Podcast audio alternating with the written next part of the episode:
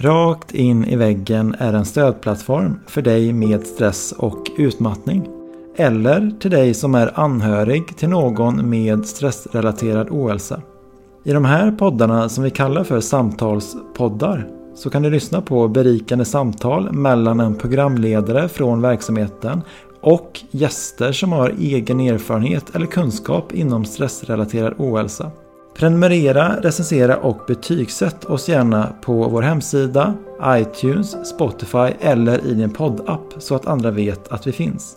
Vi önskar dig en givande lyssning och tack för att du lyssnar.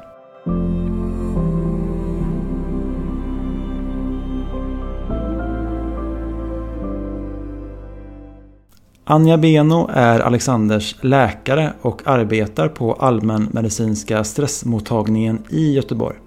Som är en specialistmottagning inom allmänmedicin med fokus på stressrelaterad ohälsa och utmattningssyndrom. Alexander kom i kontakt med Anja och hennes mottagning i samband med att han fick ett återfall i utmattning för några år sedan. Lyssna på ett samtal där Anja bland annat pratar om hur viktigt det är att ha en långsiktig återhämtning och läkningsplan, systemets begränsningar och värdet av att ha en läkare som är inlyssnande, empatisk, engagerad och som tror och står upp för sina patienter. Och vår forskning visar att över 90% kommer tillbaka i arbete över tid. Och att man behöver helt enkelt få, få den tid man behöver i de här processerna. Och jag ser det som en långsiktig investering.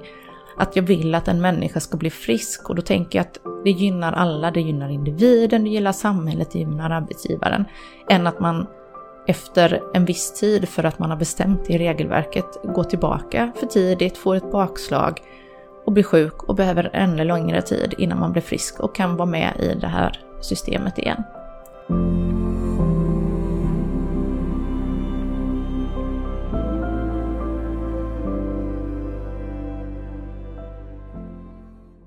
Varmt välkomna tillbaka till Rakt in i väggens eh, samtalspoddar. Jag befinner mig eh, idag på Södra vägen 27 i Göteborg i Läkarhuset och jag är på eh, allmänna stressmottagningen hos min läkare. Hon är också månadens samtalsgäst och jag är väldigt tacksam för att hon vill vara med i vår podcast. Och ja, så jag, jag börjar med att säga hej till, till min läkare. Hej! Hej, jättefint att ha dig med. Tack snälla. Och jag tänkte också eh, komma igång med eh, faktarutan. Med, med fem frågor som, eh, gör, som, som hjälper er som lyssnar eh, att få en bättre profil över vem min läkare är. Så jag börjar med, vad är ditt namn? Anja Beno, Ålder? 42 år. Civilstatus? Jag är gift och eh, har tre barn och en hund. Vart bor du? I Trollhättan. Och vad jobbar du med? Och jag jobbar som eh, läkare på allmänmedicinska stressmottagningen och forskare och doktorand på Institutet för stressmedicin i Göteborg. Då går vi över till eh, intervjufrågorna här. Och då börjar vi som vanligt med frågan Vem är Anja Beno? Utifrån din eh, beskrivning och eh, identifiering av dig själv. Mm. Och det tyckte jag var nästan den svåraste frågan av alla här. Eh, och eh, man borde kanske ha ett klockrent svar på det när man är så här mitt i livet som jag är. Men det har jag inte och jag tycker väl att på ett vis är det ganska skönt. Men eh, om jag skulle beskriva mig själv så är jag nog i grunden en glad och optimistisk person. Eh, som tycker egentligen att det mesta är roligt. Och jag har ganska mycket känslor åt alla håll. Både glad, ledsen, arg och eh, väldigt empatisk i min person. Och så pratar jag lite för mycket. Varför valde du att bli läkare tror du för? Vad var drivkraften? Och där är det kanske inte en berättelse som man eh, förväntar sig att det är ingenting som jag har liksom drömt om som liten eller alltid velat bli, utan det var verkligen det blev så på grund av att jag började på Chalmers och jag trivdes inte där riktigt. Det gick inte så bra. visste inte vad jag skulle bli när jag blev stor eh, som civilingenjör. Och eh, under den tiden så bodde jag tillsammans med en kille som läste till läkare. Och så såg jag vad han höll på med och så tittade vi i en eh, bok, tror jag det var. Um, och där eh, fanns det beskrivet alla olika typer av inriktningar man kunde ha som läkare. Så tänkte jag att någonting där måste jag ju kunna hitta som jag trivs med, som är bättre än det jag gör. Och därför valde jag att byta inriktning. Och det är ett val som jag aldrig ångrat och jag älskar mitt jobb. Okej, men eh, bytte du då, eller alltså valde du då att kolla in läkarspåret eh, på grund av den vännen då som inspirerade dig? Mm, så var det. Så det var aldrig liksom en dröm att jag skulle jobba som läkare. Jag hade inte det som målsättning överhuvudtaget. Utan det blev, blev ett val. Som jag ju förstår med facit i hand var ju mycket, mycket mer rätt för mig som egentligen trivs med och vill jobba med människor. Varför valde du att eh, specialisera dig och arbeta just med utmattade människor för? Och det är också en sån där slump egentligen. Det börjar med att jag i slutet av min utbildning till eh, distriktsläkare, eh, man går ju en femårig utbildning till att bli specialistläkare och jag skulle bli specialist i allmänmedicin. Och då träffar man ju på vårdcentralen en del patienter med eh, olika psykiska sjukdomar, vilket jag alltid tyckt varit kul att jobba med. Men så var det en patientgrupp som jag inte riktigt förstod mig på, de som hade utmattningssyndrom. Och jag insåg att det här kan jag inte så himla mycket om och vi har inte lärt oss någonting om det när vi pluggade. Så jag tänkte att det här funderar jag på vad, vad, vad är det som händer med de här människorna egentligen? Varför blir de inte bra? Vad är det som gör att de tar, det tar sån tid för dem att bli friska? Och på vilket sätt ska jag hjälpa dem som läkare? Och jag pratade lite med min handledare då och då tipsade hon mig om eh, Kristina Glise och Institutet för stressmedicin. Och så tog jag kontakt med eh, dem och frågade kan inte jag få komma till er och lära mig lite mer och jobba, alltså provjobba, praktisera eller randa mig som man säger då när man gör en sidutbildning. Men det visade sig att de hade stängt sin patientmottagning precis. Och då frågade chefen där, Ingebjörg Jonsdotter, du skulle inte kunna tänka dig att forska istället? Och det har ju alla heller aldrig velat, så det hade jag inte tänkt på. Så jag bara, ja, nej men varför inte? Eh, så därför halkade jag in just på att intressera mig för utmattningssyndromsgruppen. Så jag började mina eh, doktorandstudier och precis samma dag som jag började så började även Karin som jag jobbar med idag eh, som doktorand. Så att det var också någon slags mening med att vi skulle springa på varandra där, tror jag. Och du arbetar ju på en mottagning som heter Allmänna stressmottagningen. Um, och då undrar jag, vad är Allmänna stressmottagningen för något? Vem grundades den av och varför? Då fortsätter jag lite där jag slutade. Det är ju Karin Segerfeldt Boconi och jag som har mottagningen. Och vi har lite grann samma profil. Vi är båda distriktsläkare och eh, forskar på Institutet för stressmedicin. Och anledningen till att vi såg ett behov var nog att när mottagningen på Institutet för stressmedicin la ner så kände vi att det finns liksom ett glapp för en hel massa patienter som inte riktigt har kanske någon som har tid eller intresse för att ta hand om dem och att vi såg att det fanns ett behov. Eh, och eh, efter många om och men så lyckades vi eh, skaffa oss en så kallad ersättningsetablering som är ett avtal för en enskild läkare med Västra Götalandsregionen i det här fallet.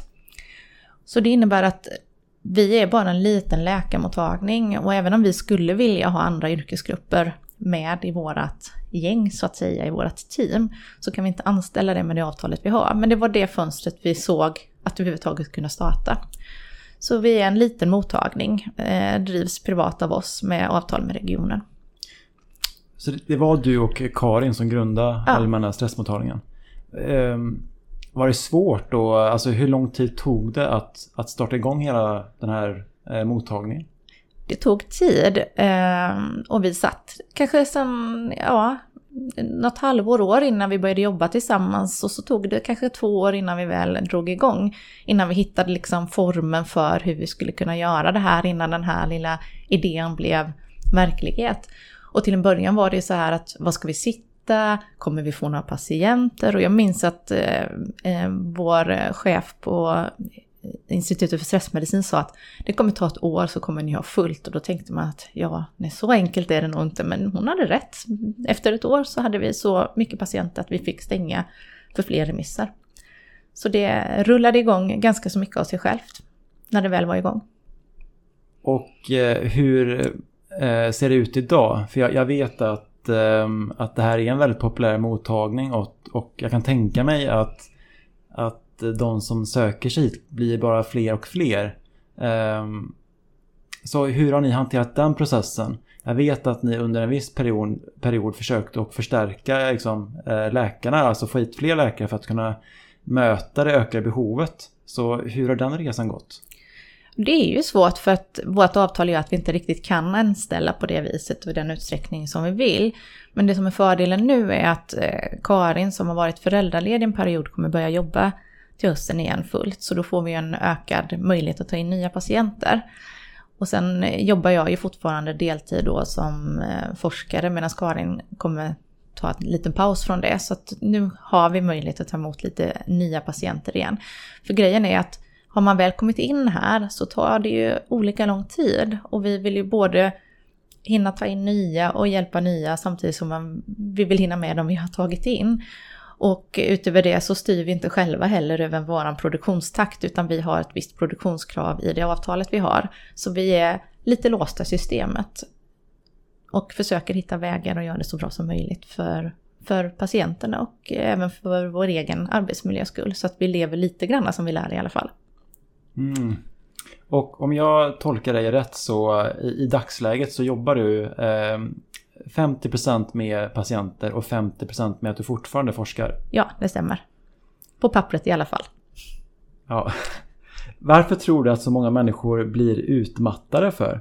Utifrån din kunskap och egna erfaren erfarenhet i möten med dina patienter. Och, var, och, och, ehm, och vad tror du att man behöver göra för att vända den utvecklingen? Det är en ganska stor fråga men har du några tankar kring det? Det är en jättestor och svår och komplex fråga som jag utifrån som forskare då inte har något riktigt svar på egentligen, för det vet vi inte. Vi vet inte ens hur många som är sjuka, hur stor utsträckningen är, för den statistiken har vi inte riktigt. Utan här blir det att man får spekulera lite grann och det tycker jag är intressant och, och reflektera en del kring både när jag undervisar och när jag pratar med patienter eller eh, människor i allmänhet. Varför, varför ser det ut på det här viset? Och jag tror att det, det är väl en balans mellan eh, krav, förväntningar, kanske både i samhället men även eh, som, som man har på sig själv som individ. Att de här höga kraven på att hänga med, produktionstakt i arbetslivet, att hänga med i det sociala livet, att få ihop det här så kallade livspusslet. Att det är så många pusselbitar som vi ska ha med i vårt livspussel idag.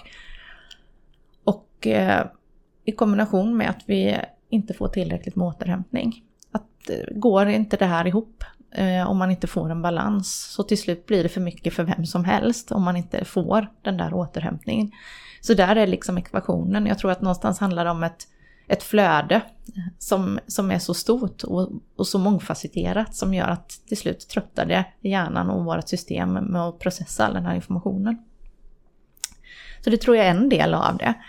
Och frågan är då hur kommer man åt det här? Och hittills när man tänker behandlingsmässigt och det man ofta pratar om, det handlar ju om många olika individuella insatser som jag som människa, att jag ska som individ anpassa mig till samhället, till det tempo som är, det krav som är, de förväntningar jag har på mig själv och passa in i det här systemet. Medan man också kan börja ifrågasätta, men hur är det systemet designat egentligen? Hur ser det ut ute i arbetslivet? Vad har vi för produktionskrav? Är de rimliga? Hur eh, är strukturer organiserade i samhället? Och allt mer så börjar vi försöka lyfta blicken, att vi försöker få upp det ett par nivåer, alltså mm, på organisationsnivå i företag, på politisk nivå i samhället, att man diskuterar vad det är, vad det är det vi vill ha, vad är det vi vill vad är det, vad är det som är viktigast egentligen? Eh, vad, vad är det vi ska prioritera? Och den frågan upplever jag att patienter som jag har här ofta ställer sig när man väl har blivit sjuk och inte riktigt haft tid att reflektera över innan men tvingas göra när man blir så pass sjuk att man måste göra en drastisk förändring för att man inte längre kan följa med i det här komplexa spelet som, som man är i, i, i, i sitt liv och sitt livspussel. Var det svar på en eh, ganska komplex fråga? Jag, jag, tycker att du har intressanta tankar och, eh, och, det, och, det, som dyker upp i mig det är väl eh, att, att Ska man lägga fokus på att få en så hög produktion som möjligt i samhället eller ska man eh, lägga fokus istället på att få människor till att må så bra som möjligt? Att det också, att, att de två kontrasterna kanske är en ledtråd i, mm. i, eh, i varför det blivit som det blivit. Mm. Att man behöver harmonisera de här två delarna så att de synkar varandra. Precis. Mm. Och vi delar faktiskt, eh, eller jag delade ett videoklipp på, på vårt Instagram för någon vecka sedan. Eh, och det var ett klipp från Den lyckliga arbetaren. Eh, det är en dokumentär på SVT. Mm. Har du sett den? Nej. Den får du kolla in. Då har jag lite att göra i helgen, låter det som. Precis. Spännande. Ja. ja. Ehm, men vi går från det här till något annat. Och mm, för det är ju så att du är min läkare och du har varit min läkare i några år nu. Och det jag kan säga väldigt kortfattat det är att jag känner mig väldigt tacksam över att jag just har dig som läkare. Eh, du känns som en person som verkligen har stått upp för mina behov. Du har skrivit bra sjukintyg som Försäkringskassan godkänt och du har gett mig sjukskrivning över en längre tid.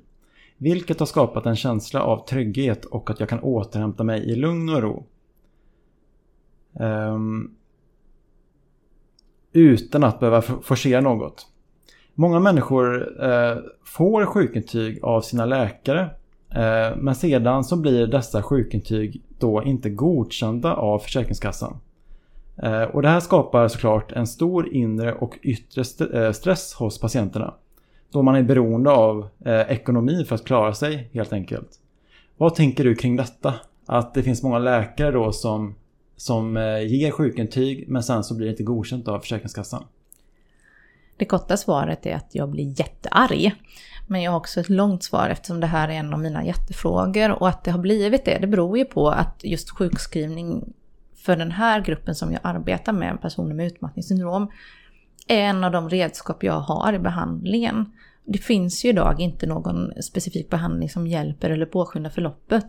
Men sjuk, sjukskrivningen som sådan den innebär ju att jag kan plocka bort en del av belastningen hos en människa som har blivit sjuk av stress.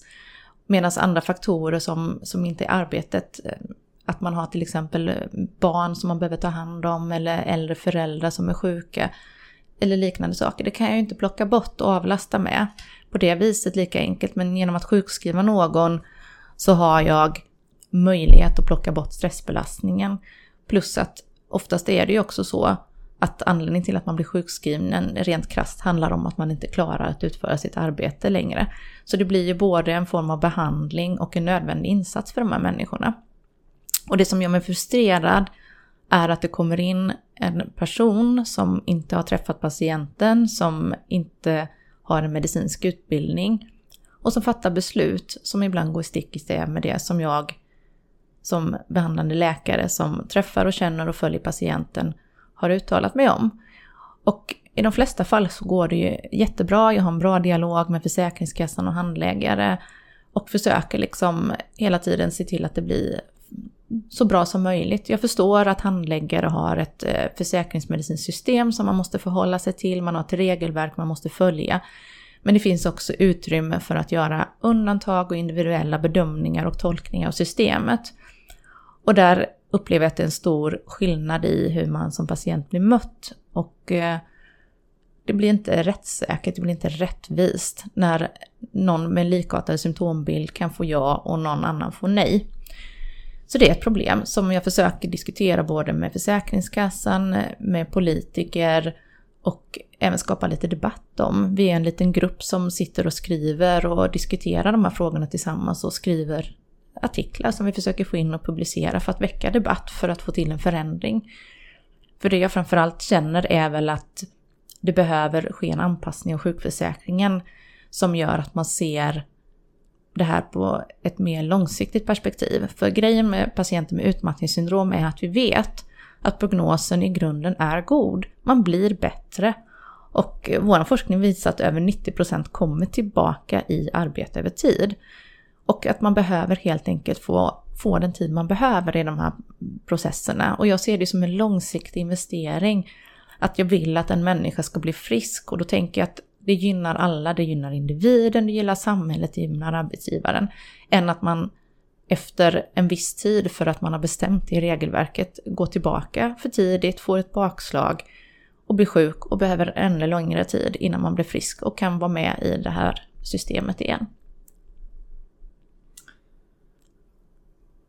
Ja, och um, du, du, du, nämnde det förut att, att det finns en förståelse hos dig för hur Försäkringskassans system fungerar. Och att, det kanske, att, att de handläggare som jobbar där, de har kanske också en press eh, ovanifrån. Um, och när, innan jag kom hit idag så satt jag, eller när jag kom hit idag så satt jag och väntade ute i väntsalen innan du kunde ta emot mig. Och då fanns en bok där som just eh, Ja, den heter, det var Niklas någonting som hade skrivit den boken. Niklas Altemark, Avslagsmaskinen. Just det. Ja. Och han tar väl upp lite av det där med att, att eh, om det var från 2017, det var, det var inte jättelänge sedan. Där Försäkringskassan då bestämde att nu ska vi minska sjukskrivningarna. Ja. Eh, och att eh, jag vet inte om det här stämmer men det är någon som har nämnt att man nästan får provision som handläggare på Försäkringskassan desto fler människor man kan avskriva. avskriva. Ja. Eh, vet du något mer kring det här? Inte mer än den typen av rykten, men jag kan verkligen bekräfta att jag, jag vet helt enkelt inte om det här stämmer, men ibland undrar man ju när det blir sådär totalt fel och går emot liksom flera läkarbedömningar. Det kan ju vara inte bara en utan flera läkare och även sina egna om man gör via Försäkringskassan så kallade arbetsmedicinska eh, arbetsförmågeutredningar heter det. Och då är det ju ett team som Försäkringskassan själva anlitar med läkare, psykolog, arbetsterapeut och sjukgymnast som gör en bedömning av arbetsförmågan. Och när även de har samma bild som mig och Försäkringskassan ändå väljer att göra en helt annan bedömning, då undrar man varför? Varför gör man det här? Finns det andra incitament? Men eh, jag vet som sagt inte hur det ser ut och jag hoppas och tror att det inte är på det viset. Men eh, visst undrar man ibland. Mm. Och jag ska inte spekulera mer i det men det som jag har noterat, för jag hade ju en läkare eh, innan jag träffade dig mm. och, han, och han hade jag i, i några år. Och det som jag kunde uppleva i mitt möte med han, det var att, att Ibland kändes det som att det nästan var ett större fokus på att min läkare skulle kunna skriva ett bra sjukintyg som Försäkringskassan kunde godkänna. Än att läkaren faktiskt ja, såg att ja, du, är, du är utmattad, du behöver vila. Utan det var mer fokus på att han skulle skriva ett bra sjukintyg. Och då kände jag lite att, att det har blivit lite fel. När, mm. när fokuset liksom ligger på det. Ibland känns det som att läkarens ord räcker. Han behöver inte vara liksom eh, någon vidare expert på att kunna skriva eh, på byråkratiska papper. Nej, jag förstår vad du menar och tyvärr är det ju så att lägger man inte tiden på att göra de här formuleringarna och skriva det språket och det sättet att uttrycka sig som man förväntas så är ju risken att man som patient istället då får ett avslag och att det blir jättekonsekvenser. Och eh, man önskar ju som läkare att man hann med både och, men många gånger har vi väldigt begränsat med tid vad vi kan avsätta och då behöver man välja, ska jag lägga tid på att skriva det här bra intyget eller ska jag lyssna på patienten eller ska jag sätta in en behandling, skriva en remiss? Det är inte helt enkelt. Ja, det förstår jag verkligen. Mm. Eh, jag upplever att du har varit väldigt inlyssnande och empatisk i mina möten med dig. Jag känner mig sedd och hörd men framförallt trodd på. I många tidigare läkarkontakter har det känts som att läkarna väldigt tidigt har skapat en uppfattning om min situation och sedan inte lyssnat lika lyhört. Som att deras egna idéer och tankar har varit viktigare än vad jag faktiskt säger. Vi har ställt några frågor till våra, till våra följare på Instagram där vi undrade vilka egenskaper de har uppskattat hos deras läkare. Och där visade det sig att många just uppskattar när deras läkare är lyhörda, empatiska och icke-dömande. Att man får känna sig lyssnad och betrodd. En del personer i undersökningen kände, in, kände sig inte lyssnade på av sina läkare. Någon hade en läkare som bagatelliserade patientens symptom. Någon fick i princip bara lugnande medel och antidepp utskrivet och inget mer och kände sig eh, med det då heller inte lyssnad på. Vad tänker du kring det som jag precis har berättat här? Eh, alltså, alltså kring, kring vikten av att, att man verkligen lyssnar och, och även förmågan till empati. För det tycker jag att du verkligen har varit eh, ett bra exempel på. Och det skrev jag i, på Instagram att eh, Anja för mig, hon är liksom ett bra exempel på hur en läkare ska bemöta patienterna. Och där kommer just empati också in. Tack! Och som, som du säger så tycker jag att det här är en viktig grundläggande grej som vårdpersonal i stort och framförallt för läkare som träffar människor i en ganska känslig, utsatt situation där man också är väldigt beroende av eh, den bedömning man får av sin, sin läkare. Så att eh, naturligtvis är det oavsett vad man söker för symptom eller problem eller sjukdom jätteviktigt att man får ett bra bemötande, att man känner sig lyssnad på och sedd. Och jag ser det här som, man kan se det utifrån patientperspektivet och i läkarperspektivet. Och fundera kring vad är det som gör att det blir bra, vad är det som gör att det blir mindre bra. Eh, så det är ju ganska komplext det här, det handlar ju mycket om personkemi också. Eh, hur man klaffar med varandra när man träffas i ett möte. Eh, det kan vara någon som är jätteduktig till exempel i sin yrkesroll som läkare men som, som inte med just den patienten känner att man klickar. Och då blir ju inte mötet bra även om man är jättekunnig och jätteduktig för man, man kommunicerar nog inte fram till varandra på det sättet som behövs för att man ska få en bra allians som vi kallar det. En patient-läkarallians där man har ett gemensamt eh, mål och eh, kan se det tillsammans. Man behöver inte alltid vara överens om vad som ska göras, men man behöver ha ett respektfullt sätt att kommunicera med varandra. Och jag tänker att eh, som patient är det jätteviktigt att man får de här delarna eh, för att man ska kunna prata om saker som är jobbigt.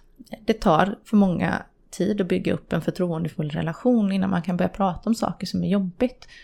Och mår man inte bra psykiskt så, så är det ju oftast ganska känslosamt att prata om hur man mår. Och det behövs det här förtroendet, det behövs att den som sitter inte sitter och scrollar på datorn och lyssnar med ett halvt öra. Det behövs att man inte negligerar eller nonchalerar det som kommer fram, utan att man visar att jag hör vad du säger, jag tar det på allvar och jag vill hjälpa dig. Sen kan det ju också vara så att man upplever det olika beroende på vad man är i sin situation som patient. Hur dåligt man mår, hur anspänd man är inför mötet så kan upplevelsen och besöket bli väldigt olika. Det kan behövas några tillfällen man träffar innan man får förtroende för en läkare eller en terapeut. Och att man efter ett tag börjar se att nej men det här är ju en bra person som vill hjälpa mig nu när jag har liksom eh, landat i, i den här eh, relationen med eh, den som jag möter.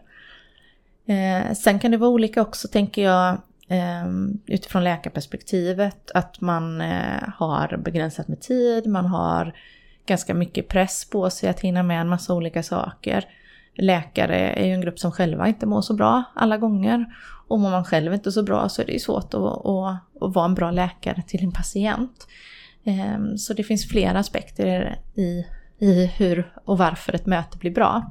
Men jag tycker det är väldigt viktigt att höra vad, vad vill patienten och vad behöver patienten? För det lär man sig ju väldigt mycket av. Och vi lär oss också i vår utbildning att det vi kallar för konsultationsteknik, att prata och öppna upp ett samtal på, viss, på ett visst sätt för att ge utrymme just för, för patienter att prata.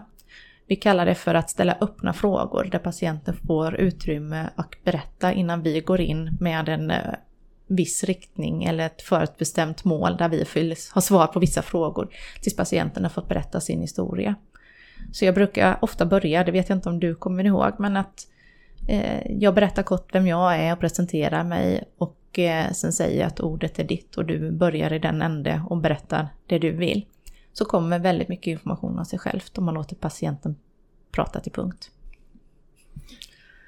Och jag, jag, jag tycker det är väldigt fint eh, just den biten med att, att man då ger eh, patienten utrymme verkligen. Eh, jag vet inte exakt hur det är för läkare. Jag har några aningar. För ibland har det känts som att många läkare, kanske på allmänna vårdcentraler, har en ganska begränsad tidslucka för varje patient. Eh, och det kan ibland göra att när jag har träffat de läkarna att det är som att jag får inte prata på hur länge som helst. Och det ska jag ju inte göra oavsett, du har också en viss tidsbegränsning men det är som att jag får mer tid och mer utrymme när jag har träffat dig jämfört med vissa andra läkare. Så är det så att läkarna kanske inte har heller utrymme till att kunna lyssna för mycket heller? Eller vad, vad, tänker du när jag säger det?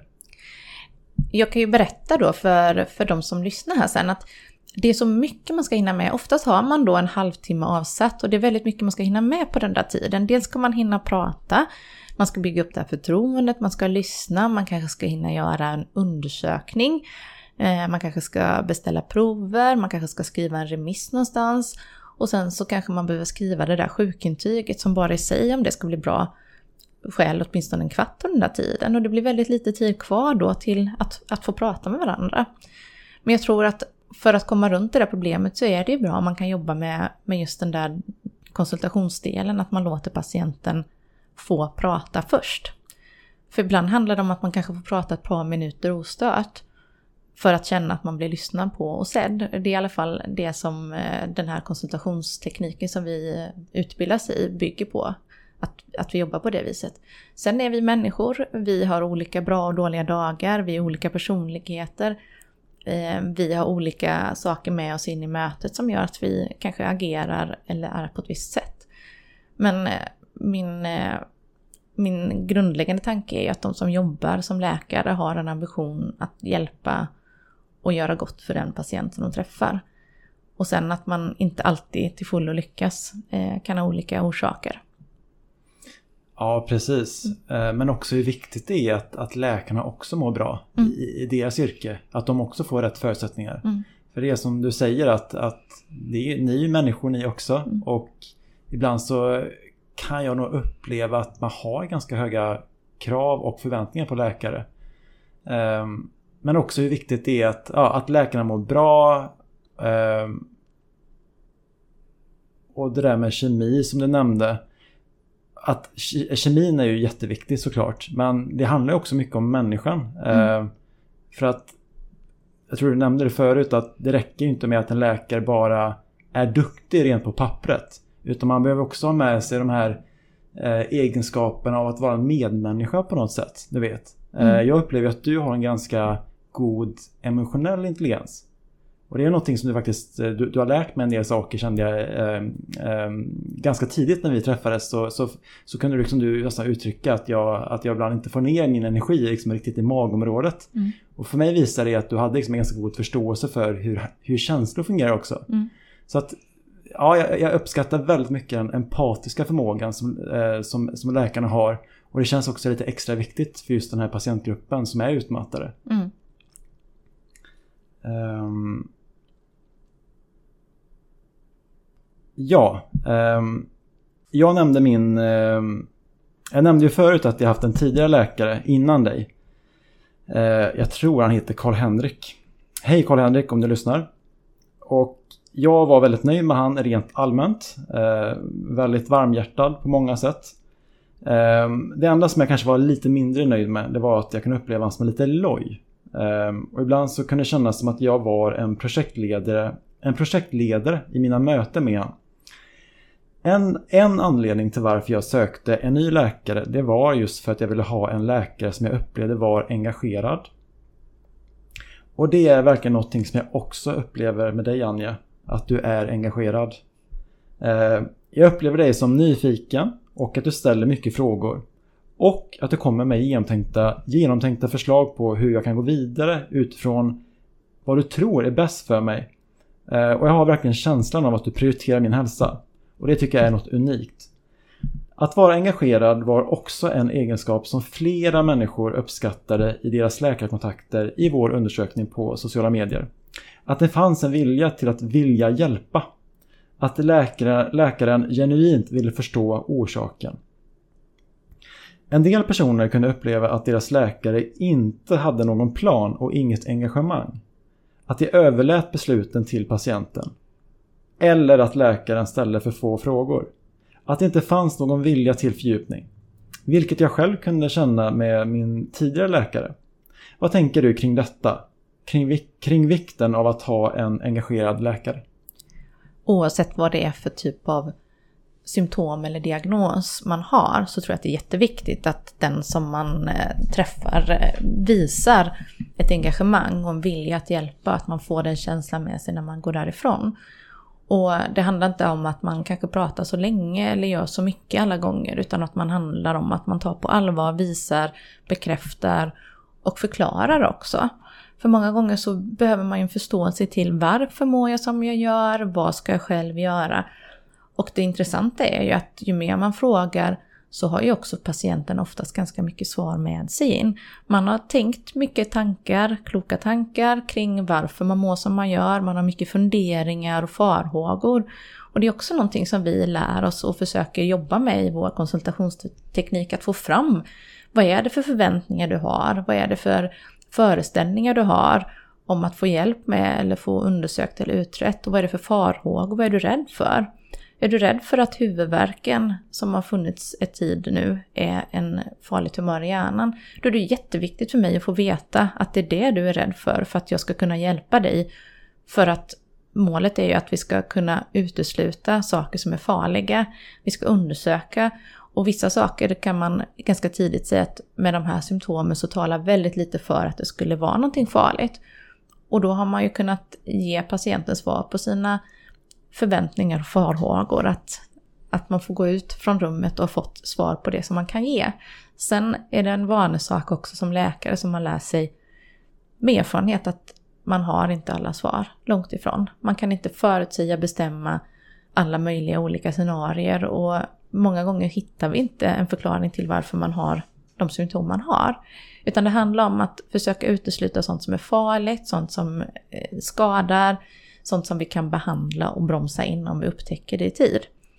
Och resten handlar om att vi får eh, följa och försöka lindra symptomen utav och stötta under resans gång. Och just utmattningssyndromdiagnosen är ju en sån diagnos som innebär att vi som läkare behöver följa över tid ett förlopp och hela tiden ställa oss frågan är det här fortfarande ett utmattningssyndrom? De symptomen som kommer, skulle det kunna vara någonting annat?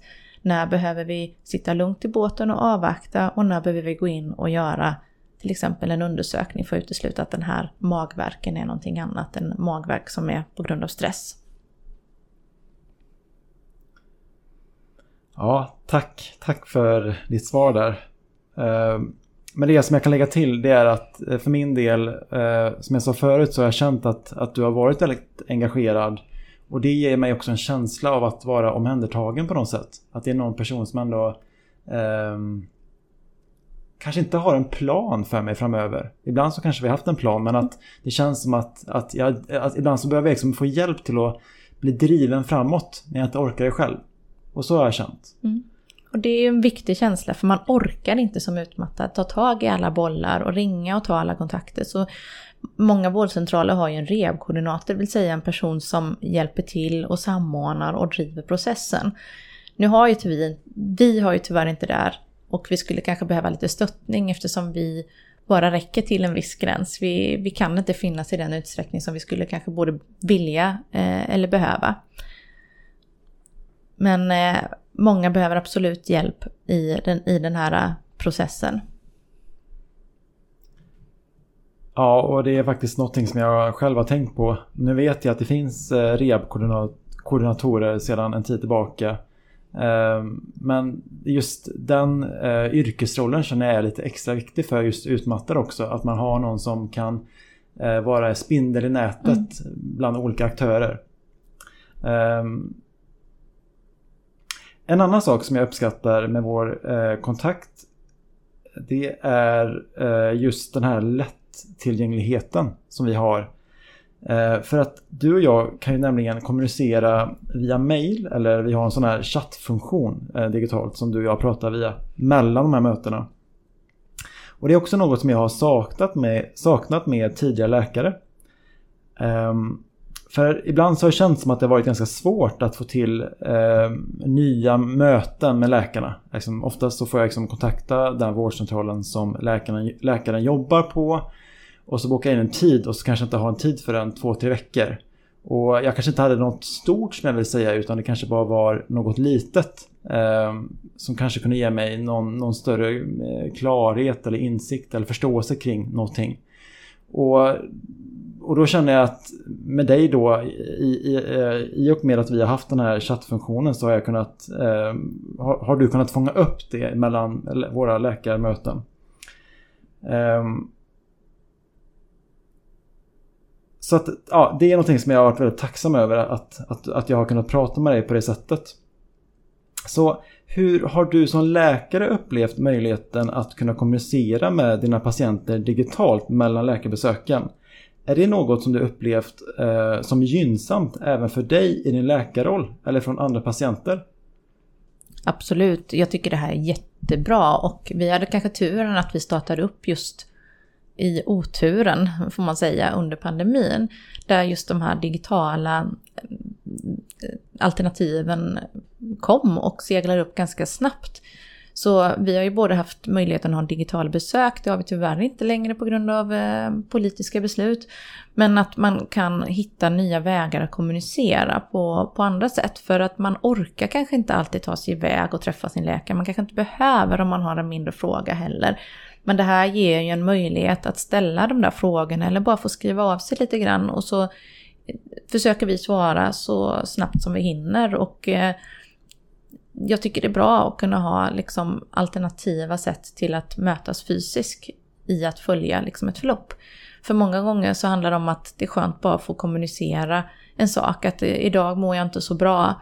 Och så svarar jag och ge någon form av återkoppling och så lugnar det lite grann. Och om man säger att okej okay, nu mår du så, gör lite så här istället.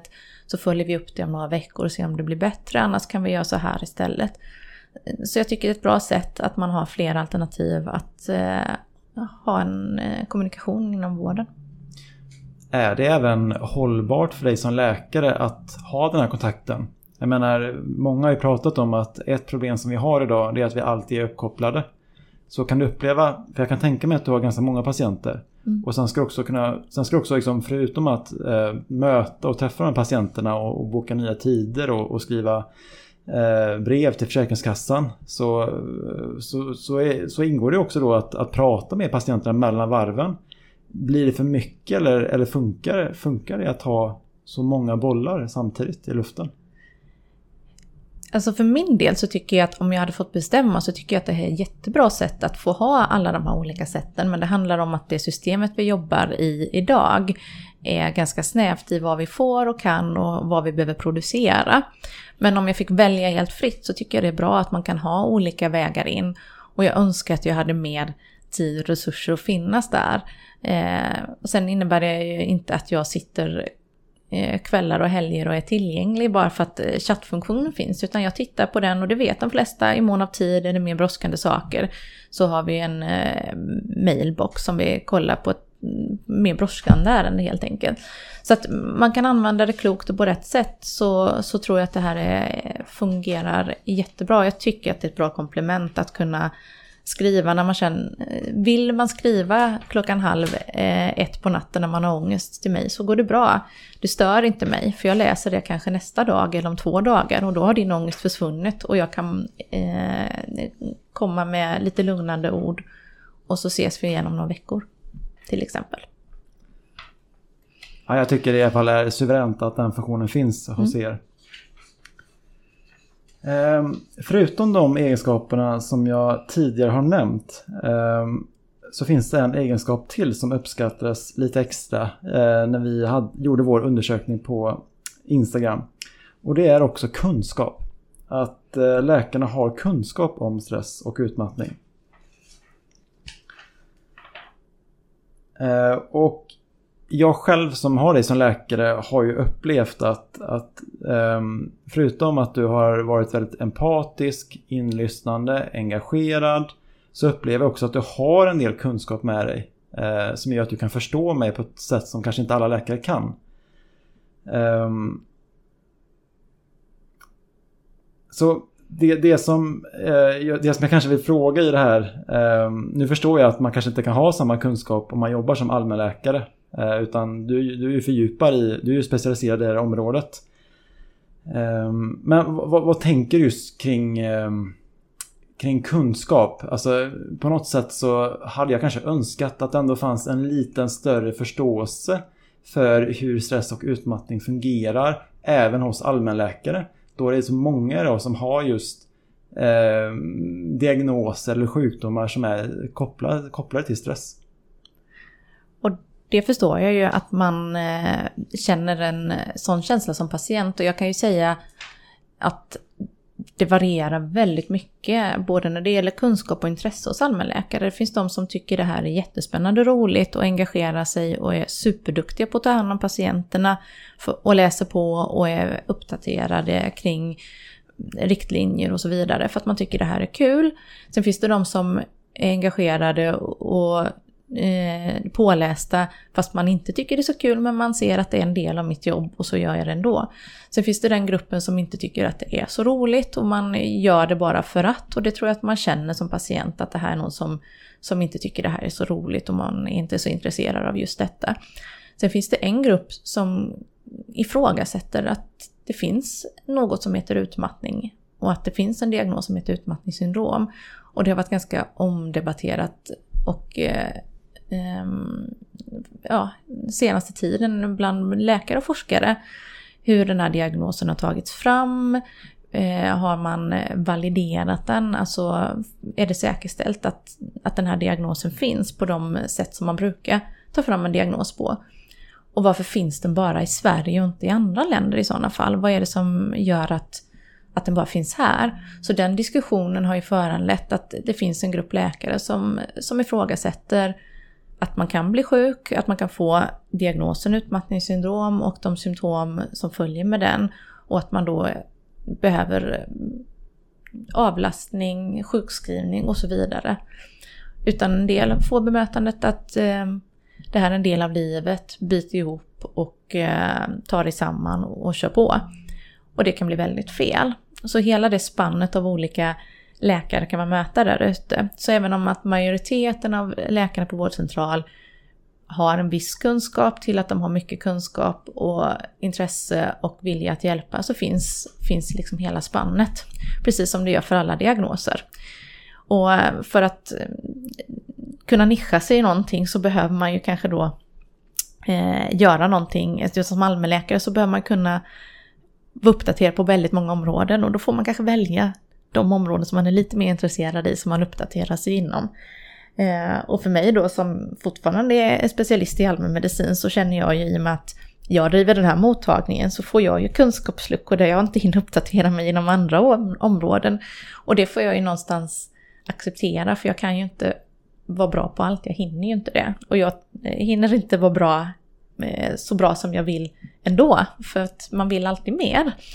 Eh, men en fördel är ju också att jag har ett ben i forskarvärlden, vilket gör att jag via den, eh, den kopplingen får väldigt mycket kunskap och nya, ny information till mig. Och min tanke är ju att jag tar och ger från båda världarna, att jag tar med mig kunskapen för forskningen in i, eh, i min mottagning till patienterna och att patienterna ger mig en massa ny kunskap som jag kan ta med mig in i forskarvärlden och beforska och på så vis lära mig mer. För det här är en ganska ny diagnos, den kom 2003 så att den har inte funnits mer än 20 år. Så vi vet inte så mycket om långtidseffekter av sjukdomen och vi har inte så mycket på benen ännu så det är fortfarande mycket som vi behöver ta reda på kring vad den här sjukdomen gör med den som drabbas. Eh, vi har fortfarande inga blodprov vi kan ta för att följa förloppet eller ställa diagnosen och vi har inte några andra undersökningsmedel såsom röntgen eller så som vi kan använda i vår diagnostik. Så att eh, det fortsätts forskas och det behövs forskas och undersökas mer. Kanske får vi aldrig fram ett svar. Eller kanske visar det sig att vi hittar någonting som hjälper oss att förstå vad det är som händer hos de här patienterna. Ja, vilken fin balans där med att du kan ha tillgång till båda världarna med både patienter och eh, den här forskningen där. Ehm, och en sak som jag inte helt har greppat eh, och då går jag tillbaka lite till det som jag sa inledningsvis. Ehm, det med att jag fick se, jag fick se, jag fick se den här dokumentären som heter Den lyckliga arbetaren på SVT. Och jag blev tipsad om den av Giorgio Grossi nämligen. Ja. Nu intervjuade han. Och för det, det, det som jag fått höra det är just det som du sa nu att den här diagnosen finns bara i Sverige. Kanske inte bara i Sverige men Norden då, låt säga. Eh, men när jag kollar på den lyckliga arbetaren så verkar det som att det här var inte bara någonting som fanns i Sverige. Utan det var, det var någon kvinna från Sydkorea, det var någon från Frankrike. Eh, det kanske inte är just utmattningssyndrom på det sättet utan de pratar ju om burnout. Precis. Um, och jag tror Giorgio Grossi nämnde om att de, de hade, de hade liksom ett annat sätt att beskriva det på. Mm. Um, så att när man säger då att det bara finns i Sverige menar man just då namnet utmattningssyndrom? Ja, och jag tänker att för min del spelar det ingen roll vad man kallar det utan symptombilden och begränsning av funktionsnedsättning som man får när man blir sjuk av stress den är ju samma oavsett vad du väljer att kalla den och det finns naturligtvis på alla ställen där man får en stressexponering. Och när man träffar forskare från andra länder som jobbar med burnout så förstår ju vi att det är samma typer av patienter vi pratar om. Eh, begreppet burnout är ju kommit från, eh, från en eh, psykologisk term egentligen.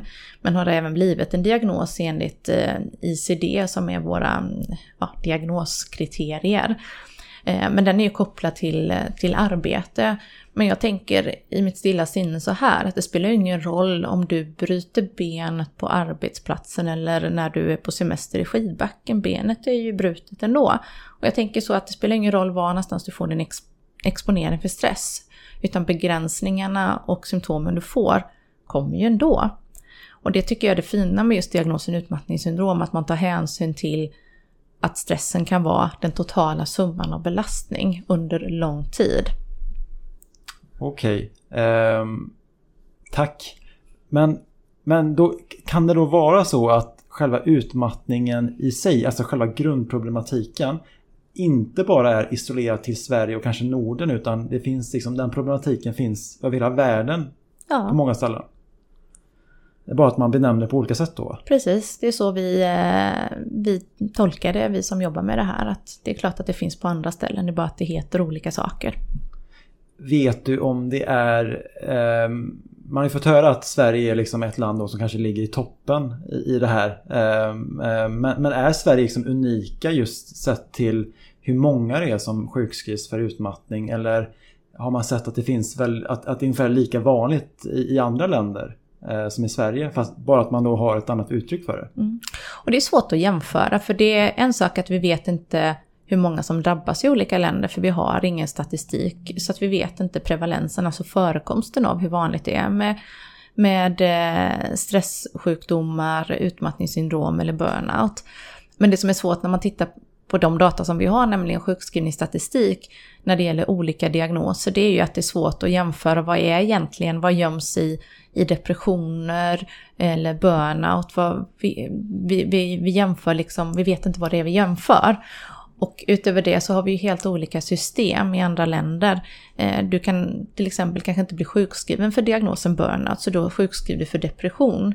Fast det kanske egentligen inte är huvudproblemet, utan det är en utmattning du har.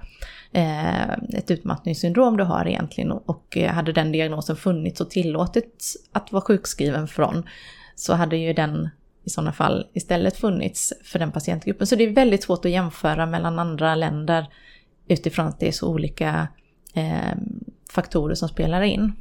Det låter som att det kanske hade behövts lite mer eh, internationell överskridande forskning i det här. Precis, och vi jobbar på det. Ni jobbar på det, jättebra.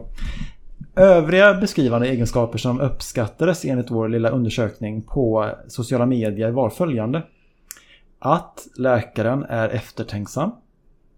Att läkaren var validerande, motiverande och tydlig. Att läkaren visste hur hen skulle formulera sig till FK, och det nämnde jag lite förut. Att läkaren, läkaren inte ifrågasätter patienten. Att läkaren förstod att det tog tid att bli frisk och gav patienten tid. Och det nämnde du lite förut. Att läkaren såg helheten av de fysiska besvären. Att läkaren inte ger upphov till ännu mer skamkänslor. Att läkaren tar en på allvar. Att läkaren gör ordentliga tester av kroppen. Det fanns till exempel någon som svarade som hade ett hjärtproblem och det här kunde man nog inte se eh, i hennes första undersökning. Att läkaren styr upp ett nytt läkarbesök direkt för uppföljning så att patienten inte behövde jaga en ny tid. Och det vet jag också att du är väldigt bra på. Att läkaren hade förståelse, fixade samordning och ser till att man får rätt hjälp och inte bara sjukskrivning. Det fanns även minst en person i undersökningen som hade haft eh, dig som läkare eh, där något svar ovanför kan vara kopplat till den personens upplevelse av dig. Vad tänker du när du hör dessa svar? Oj, jag tycker ju att alla de här faktorerna är viktiga och eh, man önskar ju som läkare att man kan möta alla de här förväntningarna, att man kan leva upp till det här. Ehm, och det är ju ambitionen för mig naturligtvis att göra det. Eh, men eh, jag är också medveten om att jag inte alltid klarar det. Ibland har jag för mycket på mitt huvud eh, i min egen agenda, i vad jag vill och vad jag behöver göra. Så jag är mänsklig och eh, jag erkänner det. Jag missar ibland att göra alla de här eh, sakerna som, som nämndes, det här med att eh, ha en tydlig planering och uppföljning, även om det är min ambition och jag eh, försöker ha en struktur kring det. Så ibland så kommer det saker emellan som gör att man missar och glömmer. Men eh, jag tror att de flesta med mig har som ambition att finnas och möta patienten på alla de planen. Både när det gäller eh, tillgänglighet, att lyssna, att förstå, att hjälpa och att följa upp och skapa en planering. Ja, och eh, jag kom precis på mig själv där när jag läste upp det här, eh, när du svarade mig, att det här kan ju lätt också bli en lång kravlista för läkaren. Det var, det var väl kanske inte det som var tanken med det här utan det var mer kanske att bara kunna presentera vad, hur människor eh, har upplevt sina läkarkontakter och vad det är som har varit hjälpsamt. Och det tycker jag är viktigt och det behöver vi ju lyssna på tänker jag. För att vi har ju hela tiden en utvecklingspotential att bli bättre och ibland kan det vara att vi tänker att vissa saker är jätteviktiga men så visar det sig att något helt annat är det som patienten mår bäst av. Och då är det bra att vara lyhörd inför detta. Så att eh, att få feedback är ju otroligt viktigt för oss. Och vi har ju också vid något tillfälle skickat ut en patientenkät för att försöka fånga in vad är det patienten upplever att de behöver och vill ha och vad, kan, vad är det som vi gör som är bra och vad kan vi göra bättre. Precis. Eh, här kommer tre lyssnarfrågor som, eh, som vi fångar upp på Instagram nu i veckan. Först har vi första frågan med, och det är en fråga från My Lindsjö. Hon undrar varför finns det inte mottagningar för utmattade runt om i hela Sverige för? Och det tror jag handlar helt och hållet om politiska beslut och upphandlingar. Till exempel så har det ju funnits särskilda mottagningar i Stockholm som nu med politiska beslut har avvecklats och eh, det har funnits en specialistmottagning även här i Göteborg som har varit nedläggningshotad. Eh, den ligger inom psykiatrin då. Men jag tror att de på något vis har lyckats få vara kvar nu, de som heter PMU. Ehm, så det är politiska beslut, eh, hur vindarna blåser och man kan också diskutera huruvida en sån mottagning behövs eller inte. Eh, det finns olika eh, funderingar kring detta, men till syvende och sist är det politiska beslut som avgör vad som finns och inte finns för patienterna. Ja, jag, jag, vet ju bland annat, eh, för du nämnde Stockholm där, ja. mottagningen i Stockholm där. Eh, jag vet att Giorgio sa ju att eh, deras mottagning, stressmottagningen i Stockholm, ska väl läggas ner i slutet på, om det var antingen 2024 eller slutet på 2025. Eller ja, ännu tidigare. Jag tror att det är redan i år om inte jag minns fel. Så att de har ju också funnits jättelänge och det är naturligtvis ett jätteproblem för de patienter som har gått där länge. Jag var själv där på studiebesök innan jag började, liksom, som också är led att lära mig mer, så åkte jag på en kurs där. Eh, och då tror jag att eh, eh, bland annat Yogi var med och föreläste där. Eh, så de har ju funnits länge så det blir ett jätteslag eh, mot patienterna och de som har jobbat eh, länge med den här patientgruppen. Och många oroar sig naturligtvis. Vad, vad händer med mig nu? Vart ska jag ta vägen? Kommer jag träffa en läkare på min vårdcentral som tar det här på allvar och lyssnar på mig? Eller eh, hamnar jag vind för våg eh, Eh, och måste tillbaka till någonting som jag kanske inte klarar av? Så det är klart att det skapar stress och oro när det sker den typen av förändringar för patienter. Eh, och vi är ganska små och eh, kan inte göra så mycket åt det som, som läkare. Vi kan ju driva en mottagning i i ett visst avtal där vi från dag till annan faktiskt förlorar möjligheten att driva det. Så det, det var det. Jag håller tummarna för att Allmänna stressmottagningen får fortsätta ut eh, problemfritt. Tack. Nästa fråga. Licky Östman. Vad är din upplevelse med utmattning och samsjuklighet? Har du noterat att människor som blir utmattade har en samsjuklighet? Är det, liksom, är det något, någonting som är mer frekvent eller någonting som sticker ut i din egna observation? Ja, det gör det absolut. Och eh, där har vi ju även forskningsdata som visar när det gäller samsjuklighet med annan psykisk ohälsa. Eh, som visar att eh, på den grupp som man har följt eh, upp till 7-10 år på Institutet för stressmedicin så hade ju en tredjedel av de patienterna symptom på depression och två tredjedelar självskattade symptom på ja, blandade depression och ångesttillstånd. Eh, så det var till och med diagnos eh, som var eh, den fördelningen också när man tittar. Så det var väldigt få i de här patientgrupperna som, som inte hade eh, symptom på ångest eller depression. Det kommer ju tyvärr oftast med utmattningen. En del har haft problem med det innan, en del har aldrig haft problem med ångest och nedstämdhet innan, utan det kommer av, av, av utmattningen som sig. Ett fåtal har bara, och det säger jag bara inom situationstecken för att ha ett utmattningssyndrom är inte att bara, men att man har ett mer renodlat utmattningssyndrom där man inte har ångest eller depression utan det är utmattningen som sådan som eh, enskilt ställer till med en rad olika besvär.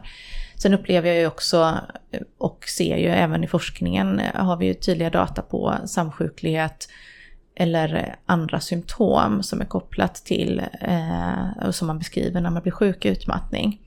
Man har också sett att det finns vissa diagnoser som kanske blir sämre av utmattningen och stressen, till exempel autoimmuna sjukdomar som kan förvärras vid ökad stressbelastning och så. Så att eh, det påverkar hela kroppen och det syns också eh, i, i den kliniska bilden som vi kallar det för, alltså hur eh, kroppen reagerar på olika, eh, med olika symptom.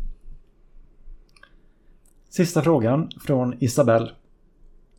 Tror du att det finns någon, någon koppling till vår svenska slash nordiska kultur eh, och barnuppfostran med höga krav som gör att vi svenskar slash nordbor är mer känsliga för att insjukna i utmattning? Isabelle upplever sig inte ha sett lika många människor med utländsk barnuppfostran och kultur insjukna lika mycket i utmattning som med oss svenskar eller nordbor. Vad tänker du kring det? Oj, vad svårt. Eftersom de patienter jag träffar, även om man har en utländsk bakgrund och kommer från ett annat land och kultur, så har man ju oftast ändå på något vis hamnat i den svenska kontexten, vilket gör att man, man lever under samma förväntningar och krav. Men jag tycker att eh, det skiljer sig kanske lite granna i förväntningar. Det är kanske en annan typ av stress på andra platser där man har an, en annan kontext och andra förutsättningar. Men stress och krav och förväntningar finns nog överallt. Men det kanske är på olika saker och att, att det inte bidrar lika negativt till den här typen av symptom. Men jag, jag har inget bra svar på frågan och jag kan inte säga säkert att jag eh, om jag tänker på de patienter som jag har med utländsk bakgrund så, så mår de ju lika dåligt också när de blir sjuka. Så det, det är ingen skillnad. De upplever samma symptom och samma begränsningar när de har för mycket stressbelastning. Eh, så även om de har fått ett annat sätt att hantera stress på så, så verkar det som att blir det för mycket så spelar inte det någon roll, då blir de också sjuka. Förstår. Och eh, en tanke som eh, kom upp i mig förut, det var eh, vi i Sverige har väl kanske sedan, kanske även tidigare, men jag vet att Olof Palme var ju en person som drog in det där med att vi ska liksom, att vi, vi, ska, vi, vi varje person ska klara sig på egen hand här i Sverige. Det är väldigt individanpassat. Och det är inte bara Sverige som är unikt i att vi är väldigt individ, individ, individ vad säger man? Individ, individualistiska. Ja, så precis. Säger, så säger man. Ibland tappar jag orden. ja, och det är okej. Och jag kom faktiskt inte heller på det. Men att vi är väldigt individualistiska. Ja, det kan man ju fråga på. Vad, vad gör det för människan? Det kan man fundera på. Vad gör det att man inte har det här skyddsnätet? Vad gör det att man inte längre lever i storfamilj där man har naturlig stöttning och avlastning? Vad gör det att vi lever mer i ensamhet och inte har samma typ av nätverk runt omkring oss? Absolut, tycker jag är en jätteviktig reflektion. Och det var, det var väl det som jag vill liksom baka in lite i den här frågan med, med, med, att man kanske då eh, identifierar sig som en svensk eller nordbo. Mm. Eller om man kanske då kommer från en annan kultur där man mer, du vet, identifierar sig mer som flocken. Mm. Som den här stora släkten på något sätt. Att man kanske har mycket stöd och så genom det som vi inte har naturligt här som, som en svensk eller som en nordbo. Mm. Eh, jag fick väl någon känsla av att det kanske också fanns någon, någon eh, underton av det i Isabells fråga. Ja, och det kan jag ju förstå om man tittar till exempel på Indien som ju ett eh, land som är ganska spretigt när det gäller socioekonomi och förutsättningar så eh, såg jag någon mätning när jag var där att eh, de är så lyckliga där. Då kan man ju undra hur, hur ett land som ser så spretigt ut kan vara lyckliga. Men då kan man fundera på, har det någonting med att göra att man är mycket tajtare i sin familj, man umgås mycket mer socialt och är i ett sammanhang och man har folk runt omkring en som fångar upp en? Jag vet inte, men visst är det intressant. Mm. Och sen så finns det väl också någon tanke som, som säger att, att det kanske också kan vara lite svårare att få fram mätbara eh, resultat i Indien som är ett sånt stort land. Precis. Men det är väldigt intressant ja. för att det är inte bara Indien utan Nej. kanske även Afrika och ja. you name it. Nu kommer vi till den sista delen i, yeah. det här, ehm, i, det här, i det här samtalet. Och det är någonting som är relativt nytt som vi beskriver som frågelådor. Och eh, det är då för att eh, kunna få fram lite mer personliga saker om Anja här. och inte att vi bara fastnar i din roll som läkare. Och då har vi liksom eh, tre olika frågelådor. Vi har en frågelåda som heter lättsamma frågor. Vi har en som heter djupa frågor och en som heter djupare frågor. Och du kommer få då tre frågor. Antingen tre frågor från ett paket eller en fråga från varje paket. Totalt tre frågor. Så vad väljer du här? Jag tycker vi tar en om varje för att få lite variation. Och då gör vi så att du ska få säga en, eh, en, en siffra från 1 till 10. Och så låter vi ödet avgöra lite vilken fråga du får här i lättsamma frågor-paketet. Okej, då tar jag 7. Eh, Vad skulle du göra om du kunde leva för alltid? Oj. Det beror ju på vad jag har för eh, möjlighet att göra saker. Eh, vad kan jag påverka? Eh, vilka muskler har jag så att säga? Eh, men ett, en sån stor fråga så tänker jag liksom, ja men vad är det absolut viktigaste då egentligen för att må bra och vilja leva? Och vill man ens leva för alltid? Men om man nu skulle göra det så tror jag att jag skulle vilja ha kvar de faktorer som gör att jag mår bra.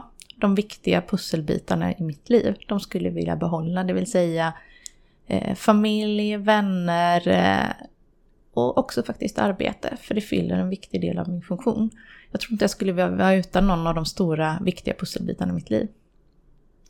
Det var ett eh, intressant och ändå eh, genuint svar. Nästa eh, frågepaket, eh, djupa frågor. Då, har vi, då ska du få välja eh, en siffra mellan 1 till 14. Ja, då tar jag 3 den här gången. Om du skulle lämna ett avtryck på världen eh, som resonerade med dig, vad skulle det vara? Och det tror jag skulle vara någonting i stil med eh, något kärleksfullt, att, att uh, ha ett kärleksfullt uh, bemötande och sätt att hantera sina medmänniskor sin omgivning. Och sen har vi sista lo- frågepaketet eh, djupare frågor. Och då ska du få välja en siffra mellan 1 till 15. 14. Vad är din akilleshäl? Oj, kan man ha bara en? Vilka är dina akilleshälar som du kommer på just nu? Ehm, jag vill, jag, jag, säger, jag säger den här för den tror jag är ganska viktig. Jag vill mer än vad jag har kapacitet för. Och det ställer ofta till det för mig. Tack! Och jag undrar om, jag undrar om det inte är så att, eh, vem vet, 90% av alla som lyssnar på det du sa just nu kan relatera till det du sa. Ja, eh, det är nog ofta så va? Med den frågan så avrundar vi samtalet och eh, jag vill återigen tacka dig för att du har avsatt nu, jag vet inte hur lång tid, men minst en timme på att eh, prata med mig och eh, att du ville vara med i vår podd. Så ja, jag känner mig nöjd och tacksam. Och tack snälla för att jag fick vara med och det är jättetrevligt att prata med dig som alltid och du har guidat mig igenom det här som är helt nytt för mig.